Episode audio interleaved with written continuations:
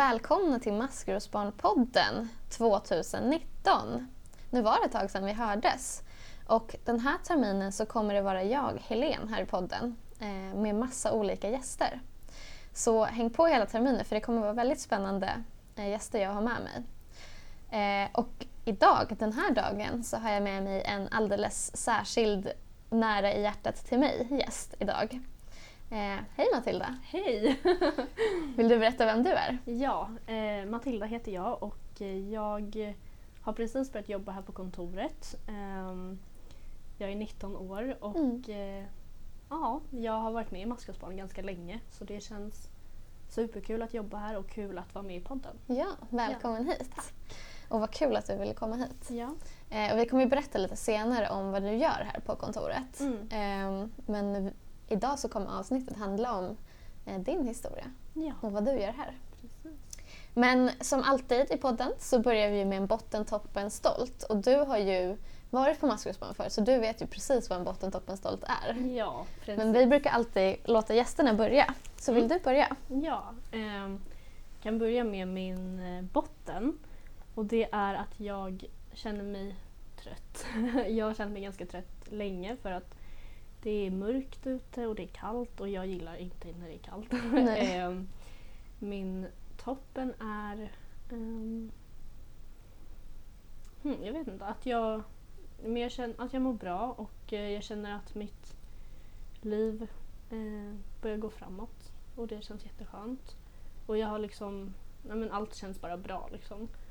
Eh, min stolt är att, mm, att jag bärde, jag var i helgen på Ikea och då Mhm. bärde jag en möbel helt själv. Från, alltså jag åkte kommunalt så jag bärde helt själv. Eh, och det var jättetungt. Eh, men det gick och det är jag stolt Ja. över. Vad bra. Ja. Vuxenpoäng. Ja, tack. Tack. Eh, min botten är nog samma som din. Mm. Vintern är så lång känns det Ja. som. Eh, och nu har det varit kallt ett tag. Eh, men det som är positivt är att det börjar bli ljusare nu ju. Eh, snart Mm. är det vår tänker jag. Mm. På riktigt. Min toppen är att jag eh, har en ny tjänst på Maskrosbarn. Eh, och jag jobbar väldigt mycket med läger och sen ett nytt projekt som heter Skolkurage. Och det är jätte, jätteroligt och Mm. spännande. Så det är min absoluta toppen. Jag har väldigt, ett väldigt roligt jobb. Kul. Ja.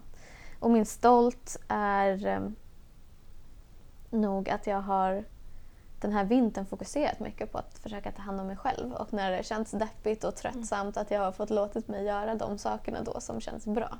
Mm, vad skönt. Ja, tack. Men Matilda, Mm. du, eh, som vi redan har sagt lite så har ju du varit på Maskrosbarn ett tag. Mm. Eh, och du jobbar ju på kontoret som stödassistent. Som alla som jobbar på maskrosbarn med stöd på olika sätt så är ju vi också maskrosbarn. Precis som jag är ett maskrosbarn och jobbar med stöd så är du också ett maskrosbarn. Mm. Så jag tänkte att du skulle få berätta lite om din historia. Så Matilda, varför är du ett maskrosbarn? Ehm, Jag är ett maskrosbarn för att min mamma är alkoholist. eh, Men också för att jag insett på senare år att hon även har varit psykiskt sjuk under, våra, eh, eller under min barndom. Och att min pappa är alkoholist har jag också insett nu på senare år. Ehm, Mm. Mm. Är det så att det är att man inte alltid riktigt vet när man är yngre kanske? Ehm, Ja, precis. Jag kan känna att, eller jag kände när jag var liten att, att jag visste att min mamma var alkoholist för att alla andra sa det och hon själv erkände det för sig själv. Mm. Men min pappa var aldrig uttalad alkoholist och därför insåg jag det inte förrän nu när jag var, blev lite äldre och såg eh, tecken på att han ja, men, drack för mycket och sådär. Mm. Eh, så det kan vara väldigt svårt att, att se det. Mm. Bodde du hos dina föräldrar när du växte upp? Ja, jag bodde både hos mamma och pappa. Eh, när jag var liten så bodde de tillsammans.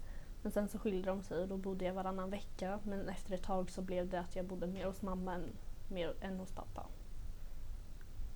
Okej. Ehm, och eh, hade du några syskon eller bodde du där själv? Ehm, Jag har två syskon, ehm, en syster och en bror. Min bror är dock ganska mycket äldre så han flyttade när jag var rätt liten. Mm. Så jag och min syster har alltid bott tillsammans. Mm. Och hur var det för, för dig när du bodde med dem då? Ehm, det var ganska bra i perioder. Ibland var det verkligen jättebra eh, och ibland så var det väldigt jobbigt för att mamma drack mycket och pappa jobbade och jag och min syster var ensamma Mm. hela tiden och jag vet inte, mamma var hemma men hon, hon gjorde inte så mycket. Och, så det blev väldigt eh, jobbigt för att jag, jag kände väl inte kanske att jag hade någon förälder som brydde sig så mycket om mig. Och istället hade jag min syster som fick ta ansvaret över mig. Så det Mm. kunde vara rätt jobbigt. Tog din syster hand om dig mycket då? Ja, det gjorde hon. Eh, minns du hur det liksom kändes för dig då? Ja, alltså det kändes ju... Jag kände mig väldigt oförstådd och jag visste inte vad som hände riktigt. Jag minns bara att min syster em, gjorde mycket och att jag bara hängde med typ i bakgrunden och, och fick bara höra men så här är det nu och så kommer det vara. Em, så det var ganska svårt. Jag kände inte riktigt att jag förstod någonting vad som hände och jag fick inte riktigt några klartecken från någon. Mm. Em, Så det var svårt. Svårt att förstå liksom, Mm. hur allt Det var. var jättesvårt. Okej, så då bodde du... Eh, men bodde du mest hos din mamma eller hos din pappa också? Jag bodde mest hos mamma. Mm. Eh, men jag bodde ibland hos pappa. Men det var mest när, jag, när det behövdes liksom. Och Mm. mamma inte kunde ta hand om mig. Men Ja. jag, jag föredrog, föredrog att vara hos mamma. Hur var det hemma hos pappa då? Ehm, jag skulle väl säga att det var helt okej. men anledningen till att jag inte ville vara där var mest för att jag kände mig inte alls trygg där. Jag kände inte att jag trivdes så bra där. Mm. Och det var mycket för att han, men han hade sina sätt och han var väldigt svår att leva med. Han var väldigt sträng och sådär och jag kände mig inte riktigt trygg där. Så det var mest därför jag inte ville vara där. Men jag träffade ändå honom ganska mycket och, och sådär så det var ju inte någonting konstigt så utan det var mest bara att jag inte ville bo där. Mm, Ehm, jag förstår. Mm. Hur tycker du att det påverkade dig, det som var hemma? Ehm, det har påverkat mig ganska mycket. Jag eh, hade jättesvårt för att men, prata med människor och jag visade inga känslor.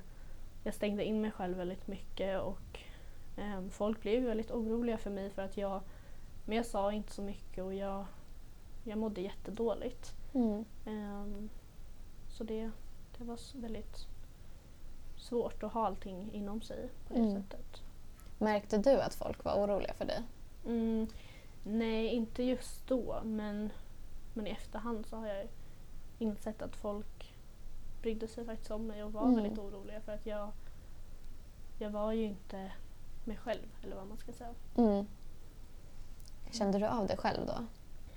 Ehm, så jag vet inte, jag kände mig väldigt ehm, liten och jag kände bara att jag, jag visste inte riktigt vem jag var eller vad jag ville. Jag visste liksom ingenting. Mm. Ehm, så det var väl mer det jag kände var, jag visste liksom ingenting. Så jag, det är svårt att svara på för att jag visste inte Mm. bättre eller vad man ska säga. Mm.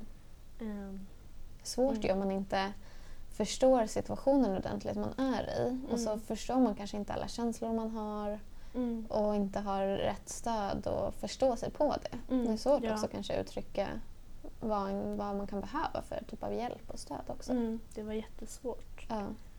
Ehm, Så du berättade inte för någon om hur det var hemma? Nej, alltså det var mer ehm, lärare och så på skolan såg ju hur det var för att ibland så kunde mamma till exempel komma och hämta oss och vara full och sådana Mm. saker. Och det, då tog de ju, då gjorde de ju någonting så. Men det var inte att jag kanske berättade självmant. Mm. Utan det var i så fall mer min syster som, som tog det ansvaret. Och Mm. så på det sättet så frågade de mig också. Men ehm, jag vet inte, jag kände mig inte så mottaglig till att ta något stöd. För jag var så himla...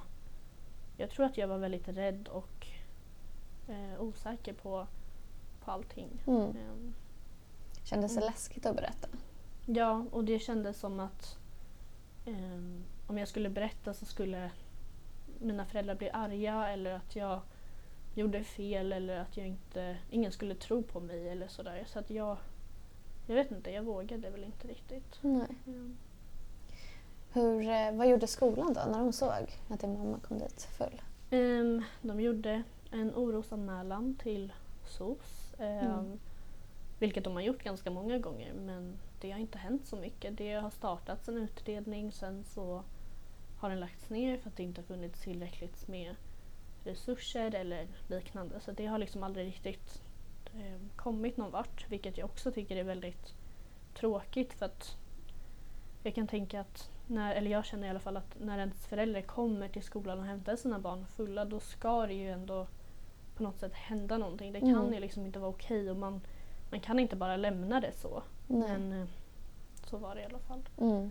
Så du var Ehm. på många möten på SOS? Ja, ehm, vi var på jättemånga möten. Vi var, det var jättemånga olika liksom, lärare och så som, som gjorde orosanmälan och så vidare för att de märkte att det är, ingen, det är någonting som inte står rätt till här. Men det, jag, kände inte att det någonsin hände någonting. Mm. Ehm, ja, så Mm. det var...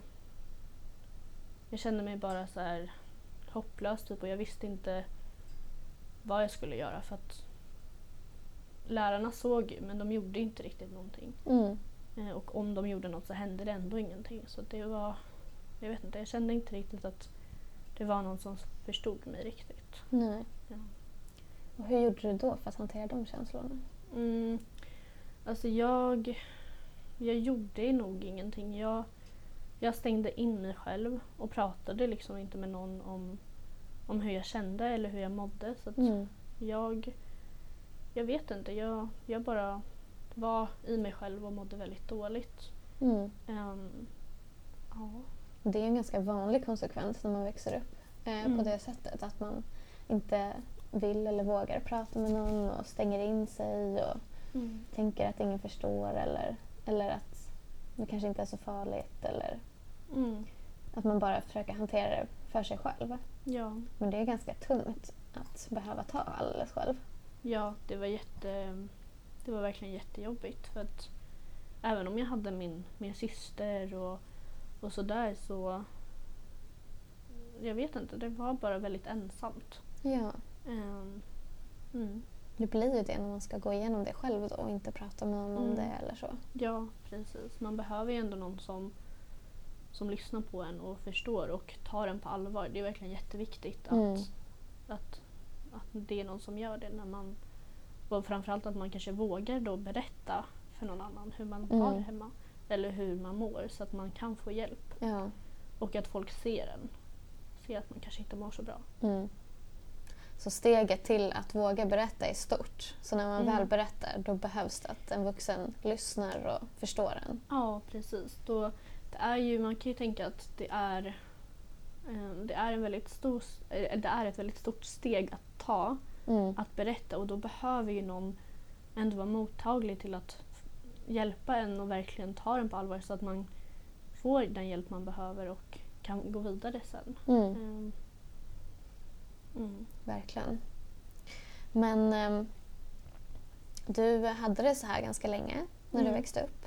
Mm. Men sen var det någonting som hände, något som hjälpte. Ja, det var det. Eh, och det var att jag blev placerad i ett familjehem. Ehm, det, var, det känns som att det är den enda bra saken SOS har gjort. eh, Mm. om jag ska vara ärlig. Jag, ehm, det var faktiskt eh, på mitt första läger på Maskrosbarn som jag Mm. pratade med en ledare om hur, jag hade, hur jag hade det hemma och att jag inte alls mådde bra.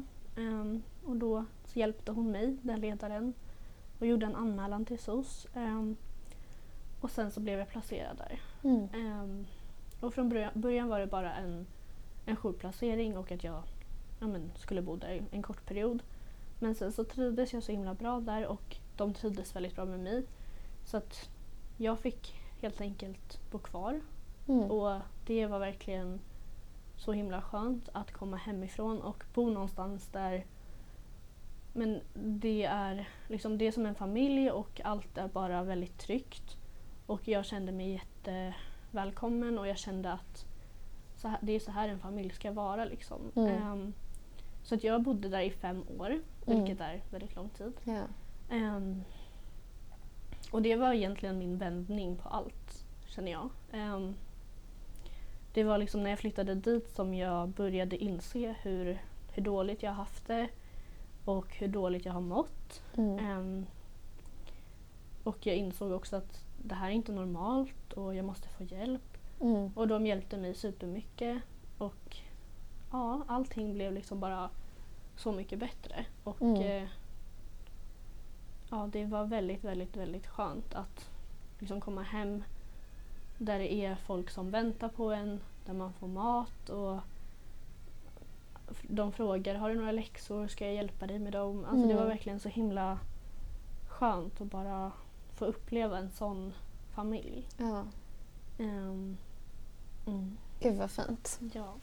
Men hur gammal var du då när du blev placerad? Ehm, jag var 14 år när jag Mm. blev placerad. Mm. Ehm, och sen flyttade jag därifrån ganska nyligen faktiskt, Mm. i, i höstas. Så att jag har inte bott från dem så länge. Mm. Ja, men det, så det var ju ändå, jag, jag flyttade dit i en liksom, jobbig period för man var tonåring Mm. och bara det är ju en svår grej att liksom växa upp och bara men gud vad händer nu? Nu kommer en helt ny period i livet, man ska välja gymnasium och ja, men sådana saker. Mm. Ehm, Tonåren är ju en svår tid, eller kan ju vara en ganska svår tid, alltså bara i sig. mm. Och sen att ha andra svårigheter hemma, det blir Mm. liksom extra svårt då. Ja, precis. Det blir väldigt... När man är tonåring så känner man väl kanske att man, man inte riktigt vet vad man vill eller vad, hur man är och vilka vänner man ska... Eller Mm. vad man har och man kanske men tvivlar på det och sen så... Men bara det är svårt och sen så har man massa skit hemma som är jättejobbigt och då var det bara så himla skönt för mig att jag men, slapp det. Och Ja. Jag fick liksom jag men, tänka på annat och bara få hjälp med det jag behövde just då och det var Mm. jätteskönt. Gud vad bra det låter. Ja. Kommer du ihåg hur det, vad du tänkte eller hur du kände när de sa att du skulle bli placerad?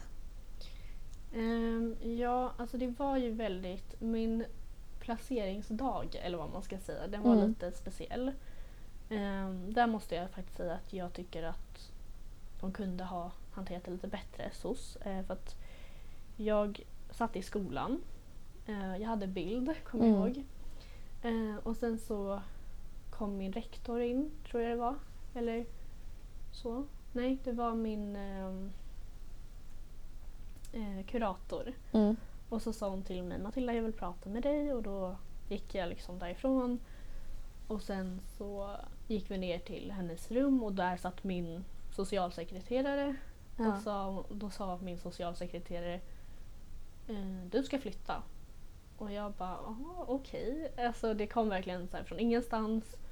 Och jag hade ingen aning om någonting och då fick jag liksom gå från skolan Ja. för att ja, men, åka till mitt jourhem. Och Ja. Jag kan tycka att det är lite, ja, men, oh, vad säger man? Alltså jag tycker att det är dåligt att göra det på det sättet. För att jag Mm. var ändå i skolan och jag satt på en lektion och då kan jag tänka att kan de inte ha, kunde ha kanske ha väntat i alla fall till efter lektionen eller liknande så Mm. att jag ändå, eller typ ja, men, tills efter att jag hade slutat eller vad som Mm. helst. Ehm, så det var lite dramatiskt eller vad man ska säga. Ja. Ehm, men jag kommer ihåg när jag kom dit ehm, och så träffade jag då mitt, mitt familjehem och det kändes jätte, jättekonstigt. Mm. Och nu, då jag kände så här, jaha ska jag bo här nu? Ja, för du hade inte träffat dem förut nej, jag hade aldrig träffat dem. Och sen så, men så började vi prata och så ehm, mm, vad heter det? mannen eller vad man säger, pappan eller vad Mm. man säger i familjehemmet. Han berättade att han själv har bott i familjehem och han själv har haft föräldrar som är missbrukare och sådär. Så då kändes det ändå så här, okej men han har ju lite koll. Mm. Eh, men sen så kommer jag ihåg att jag satt där och bara, men gud vad är det? Eller så här, vad är det som händer? Och så, men sen, ja men efter ett tag så, så kändes det ju ja, men det blev ju bättre och bättre men det kändes väldigt konstigt att från att bo i en förort. Ja. Eh, för att jag flyttade ut på landet till ett fint hus. Mm. Eh, från att bo i en förort i en lägenhet till att flytta ut till landet till en jättefin villa med pool och en, en ja. fin familj. Det kändes väldigt så här, det kändes jättekonstigt men det kändes så himla skönt att komma hemifrån. Mm. Ehm, men till en början var det ju väldigt, väldigt ovant och jag Ja. kände mig ju väldigt så här, jag vet inte. Det kändes läskigt att gå ner för trappan och äta frukost typ. Men det var ju också för att jag, det var ju inte mitt hem liksom från Mm. början. Men sen så, så blev det ju det. Ja. Ehm, och det, det gick väldigt fort ehm, för mig att känna mig trygg där. Ehm, Vad skönt. ja. Vad, tror du var, vad tror du det var som gjorde att du kunde känna dig som hemma och trygg där? Ehm, jag tror att mycket berodde på att vi hade så himla bra... Um, alltså jag, vi klickade väldigt bra, Mm. eh, vi som bodde där, eller de jag bodde hos. Och vi skrattade mycket tillsammans och eh, skämtade mycket. Och det tror jag är väldigt viktigt att man kan göra det. Mm. Ehm, för då blir det allting med lite mer avslappnat och man kan ändå känna okej men det här är ju kul. Liksom. Mm. Eh, och sen också att jag pratade mycket med, med eh, familjehemspappan eller vad man säger om, om, men om alkoholism och att han också har haft en liknande upplevelse så att vi kunde, han kände igen sig mycket hos mig och ehm, ja, men vi pratade mycket om det och jag kände mig lyssnad på och som att någon förstod mig. Mm. Ehm, Vad fint. ja. För jag kan tänka mig att det är ganska läskigt att bli placerad och vi har ju ändå det är ju ändå ett antal ungdomar som blir placerade också när eh, man växer upp som vi har gjort. Mm. Och vi har säkert många som lyssnar som har blivit placerade eller eh, skulle vilja eller eh, ska bli placerade. Eh, vad tycker du Matilda att, den här, att bli placerad i det här familjehemmet betydde för dig? Eh, det betyder jättemycket. Eh, jag vet inte vad jag hade varit om jag inte hade blivit placerad där. För att de har hjälpt mig så himla mycket och jag har utvecklats så, så mycket. Eh, sen jag flyttade dit och jag tror att jag på något sätt hade ja, men inte stannat i utvecklingen, det hade jag inte gjort, men jag hade nog inte alls men jag, jag har fått ett annat perspektiv på saker och jag har liksom ja, men lärt mig hur, hur det är att ha det bra också. Mm. Ehm, så det har verkligen betytt extremt mycket för mig. Ehm, och jag är jätte, jätte tacksam för att jag ändå har, har fått bo där så Mm. länge. Ehm, Gud vad fint sagt. ja.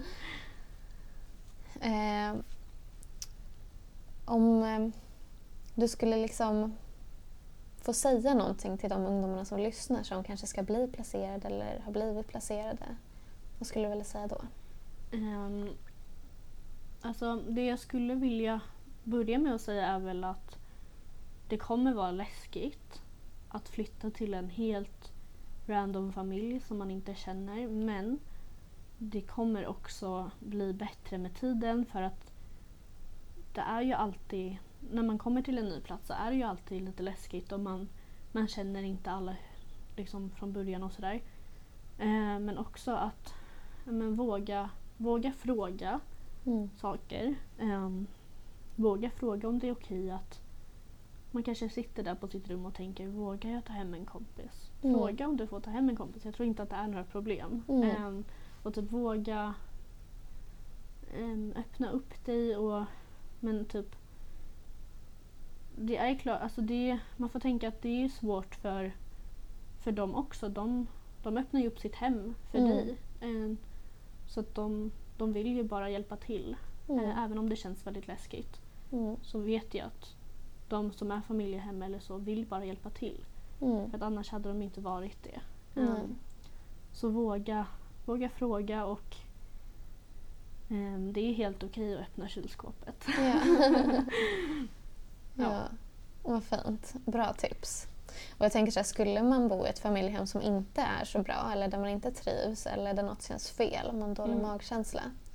Då kanske det är bra att så här, våga öppna upp sig för någon annan vuxen och Mm. berätta hur det är där. Absolut. Det är ju jätteviktigt att man, om man känner, har en dålig magkänsla på sig att det här känns inte bra, då, då är det jätteviktigt att man, man pratar med, med en annan vuxen, kanske sin socialsekreterare eller liknande. Så Ja. att man verkligen kan, kan få den hjälpen i så fall. För Ja. Man ska ju faktiskt trivas där man bor, det är jätteviktigt. Ja. Verkligen. Och ehm, vi har ju hört liknande historier om ungdomar som har blivit placerade. Både Mm. bra historier och eh, mindre bra. Men det som många säger är just det som du också beskrev, att det var läskigt i början och lite konstigt och Mm. inte visste hu- hur du fick göra och det tog ett, en liten stund innan man kommer in i Mm. att det känns bra där och så. Eh, och då har ju vi en, något som heter coach vid placering Mm. hos oss på Maskrosbarn. Mm. Eller hur? Ja. Eh, det fanns ju inte när du blev placerad. Men det är någonting, eh, det är en person då som man kan få tilldelad som kan finnas där för en under i alla fall den första tiden när man blir placerad. Mm. Eh, som man kan träffa, som man kan ringa och prata med och bolla alla de här tankarna och känslorna med.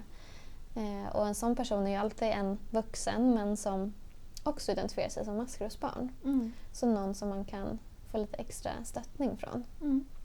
Så det är ett tips. Eh, Mm. Absolut. och om man skulle vara intresserad av att få en coach vid placering, om man eh, ska bli placerad eller, eller ha kontakt med socialtjänsten så kan man ju höra av sig till oss. Mm. Och den som är ansvarig för coach vid placering heter Mia. Så då kan man mejla till mia.maskrosbarn.org. Eller kolla upp eh, kontaktuppgifterna på hemsidan. Mm. Gud vad fint. Eh, jag blir väldigt rörd av din Mm. historia. Ja. och jag har ju fått äran att höra den förut. ja. Men eh, du nämnde lite där att, du, eh, var, att det var första året du hade varit på läger som du blev placerad. Precis. Hur hittade du maskrosbarn i första början? Ehm, jag hittade maskrosbarn via min syster. Mm. ehm, som i sin tur... Jag vet inte riktigt hur hon hade hittat maskrosbarn. Men det var någon, någon vuxen som sa det till henne. Som jag tror hade hittat i någon slags tidning eller något sånt. Mhm. Ehm, mm. Och det var min syster som började åka på läger och sådär. Och hon sa till mig du måste åka, det är superkul. Eh, och då gjorde jag det. Och det Mhm. var väldigt kul.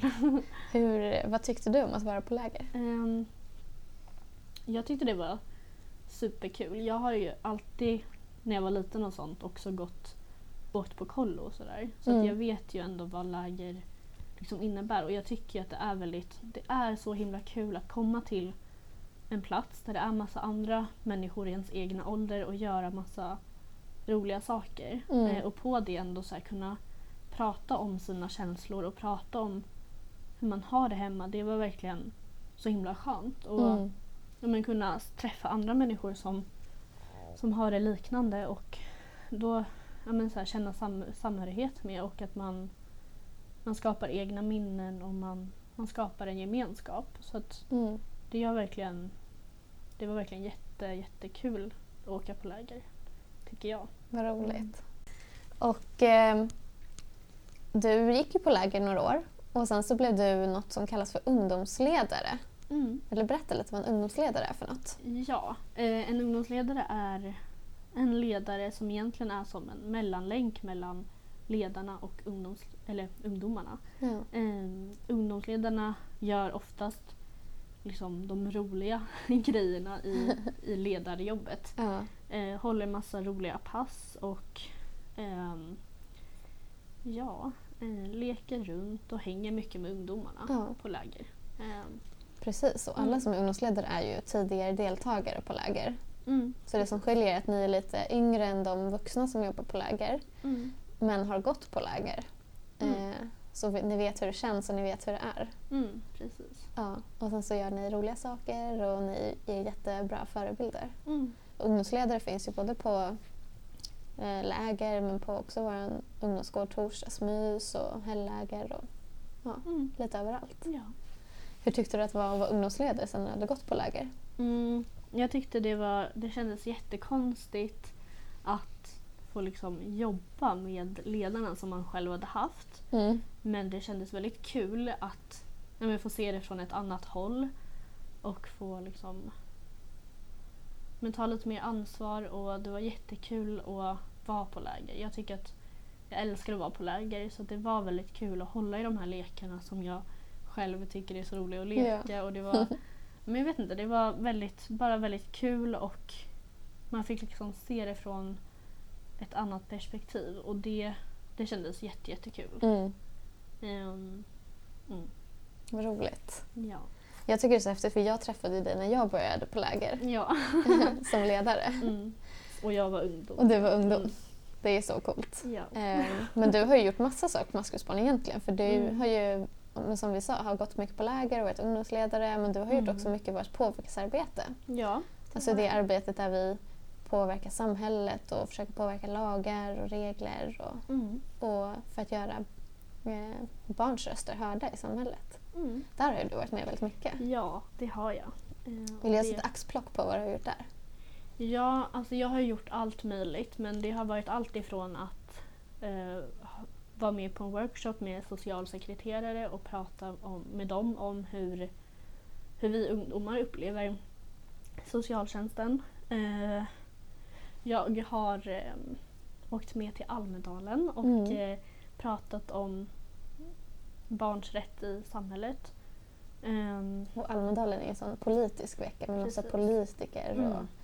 och, och som pratar om såna mm. politiska frågor där Ja, du, du har fått prata om barns rättigheter. Ja, och det har ju känts superstort för mig att åka dit och träffat massa politiker och barnministern och sådär och liksom Mm. fråga dem hur de tänker kring, kring liksom sådana frågor. Mm. Eh, och det, ja, men det känns bara så himla himla kul att vi ungdomar också får, får vara med och göra så mycket i, i vårt arbete som vi gör. Mm. Eh, och det är väldigt häftigt.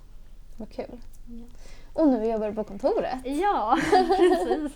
Det gör Vad jag. gör du här på kontoret då? Ehm, Jag jobbar som stödassistent vilket betyder att ehm, jag jobbar mycket med läger. Jag jobbar med både helgläger och lovläger och då kan jag göra allt mellan allt ifrån att planera eh, mat till Mm. att boka biljetter till att eh, köpa presenter. Jag gör väldigt mycket Ja. olika grejer. Eh, men jag jobbar med läger och det känns superkul för att jag själv älskar läger. Mm. Ehm, lägerexpert. Ja. så det är väl det jag gör. Sen kan jag göra lite annat också. Typ om någon annan från något annat projekt frågar mig om jag vill hjälpa- till eller sådär så, Mm. så kan jag göra det också. Ja. Ehm, så det är rätt blandat. Mm. Men mycket läger. Ja. Mm. Jag jobbar ju med lovläger så du är ju min högra hand och jag vet inte Ja. vad jag skulle göra utan dig. Nej. Men du har ju en sån eh, ungdomsanställning Mm. som innebär att du jobbar här i ett år. Mm. Eh, En sån anställning som vi ger till ungdomar i vår verksamhet som eller ger möjlighet för några ungdomar i vår verksamhet att kunna söka och, Mm. och få komma in i arbetslivet via oss. Mm. Eh, Så du har ju den tjänsten som Fatima hade innan och som typ Sindra och Tone och eh, många fler har haft Mm. innan. Klas, det är jättemånga som har Ja, haft den. verkligen. Det är så för många. Eh, ja, men precis. Det stämmer. Mm. Um, jag kommer jobba här ett år och jag började eh, den 7 januari. Den 7 januari Ja, började du. Ja. Så du har jobbat här ett tag nu. Ja. Och det är ju superkul. Alltså, vi tycker att det är superkul att du är här. ja, det känns väldigt kul att vara här och det är en väldigt, väldigt bra arbetsplats måste Ja. jag säga. Vad roligt. Mm. Vi har ju väldigt roligt som ni hör på Ja. jobbet.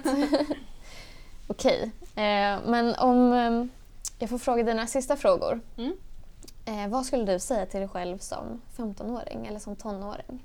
Om du fick möjlighet att träffa dig själv nu, Mm, vad skulle du säga då? Då skulle jag nog säga att hm, det är lite svårt att veta men jag tror Mm. att jag skulle säga att men typ inte kanske bry sig så mycket om vad alla andra tycker och eh, göra det som känns bra för dig. Mm. Och var inte med människor som, som behandlar dig dåligt. Eh, för du förtjänar mycket mer än så. Och om du har en vän ehm, som kanske är ganska taskig egentligen men som du ändå umgås med för att för att ibland är en snäll eller så. så Mm. Var inte vän med den personen för att det kommer inte ge dig någonting. Och det är mycket bättre att umgås med människor som man faktiskt får ut någonting av Mm. och som ger en någonting. Ehm, Gud vad fint, Ja. jag blir alldeles rörd. Och om du vill skicka med någonting till dig själv om fem år, vad vill du skicka med då? Eh, hmm. Eh, du har klarat dig hittills så Mm. du kommer klara dig hela livet och allting blir bara bättre och bättre. Och även de stunder där det känns jättejobbigt och allting bara skiter sig och att det känns som att det finns liksom ingenting som, som kan göra att det, det blir bättre så, så kommer det bli bättre. För att även om det här är värsta klyschan så, så läker tiden många sår och ehm, ja, men det blir bara bättre med, med tiden och stressa inte för mycket heller. Ta vara på, på dig själv och på det du har. Mm. Ehm, ja. Gud vad fint. ja. Så bra ord. Mm. Jag ska nog ta till mig dem själv också. ja. Matilda, tack så jätte- jättemycket för att du kom hit och berättade om din historia. ja, tack själv för att jag fick vara här. Ja. Och eh, tack för att ni har lyssnat. Vi kommer tillbaka nästa månad med en ny spännande gäst. Ha det så himla bra så länge. Hej då!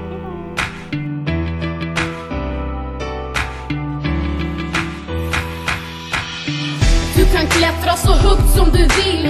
Det är ditt liv, ingen annan säger till. Sikta mot toppen, dit du vill nå. Fortsätt att kämpa, du vet att det går.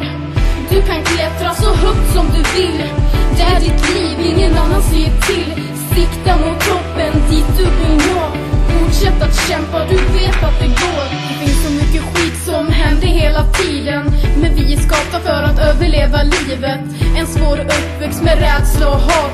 Men vi var för små för att kunna slå tillbaks. Gått igenom smärta och tårar dag för dag. Men vi lever än idag för vi är maskrosbarn Vi kämpar för att kunna ta oss vidare. Vi är starka, tillsammans är vi krigare. Vi borde inte skämmas, vi ska vara stolta. För det finns folk som inte fattar hur vi orkar. Vi ska kämpa, vi ska klara. För maskrosbarn är vi födda till att vara. Ett maskrosbarn slutar aldrig kämpa. De försöker fast de kan få vänta. För det är det som gör oss starka och unika. Enskilda individer olika men ändå lika. Du kan klättra så högt som du vill. Det är ditt liv, ingen annan säger till. Sikta mot toppen, dit du vill nå. Fortsätt att kämpa, du vet att det går du kan klättra så högt som du vill. Det är ditt liv, ingen annan säger till. Sikta mot toppen, dit du vill nå. Fortsätt att kämpa, du vet att det går. Jag vet att det känns tufft, försök att blicka fram. Finns ju för att kunna ta hand om varann. Känner liknande känslor om hur kärlek blev hat När dagarna blev tunga bestod av skrik och prat om det är en tröst har vi gått i samma spår. Även som det känns som ingen annan förstår Måste vrida in och ut. På det som är ditt liv Tänka efter vad du vill så du i hjärtat känner frid. Skapa dig en framtid, du är värd att må bra. Kolla på Therese och vad hon blivit idag. Hon har varit som du, legat i botten på ett hav. Men kämpade sig upp och skapade maskrosbarn Hennes ord är så sanna, precis som hon sa. Även om man mått väldigt dåligt kan man må väldigt bra. Vi vet att du klarar, vi vet att du kan. Det är aldrig för sent, bara greppa någons hand. Du kan klättra så högt som du vill. Det är ditt liv, ingen annan säger till. Sikta mot toppen, dit du vill nå. Fortsätt att kämpa, du vet att det går. Du kan klättra så högt som du vill. Det är ditt liv, ingen annan säger till. Sikta mot toppen, dit du vill nå. Fortsätt att kämpa, du vet att det går.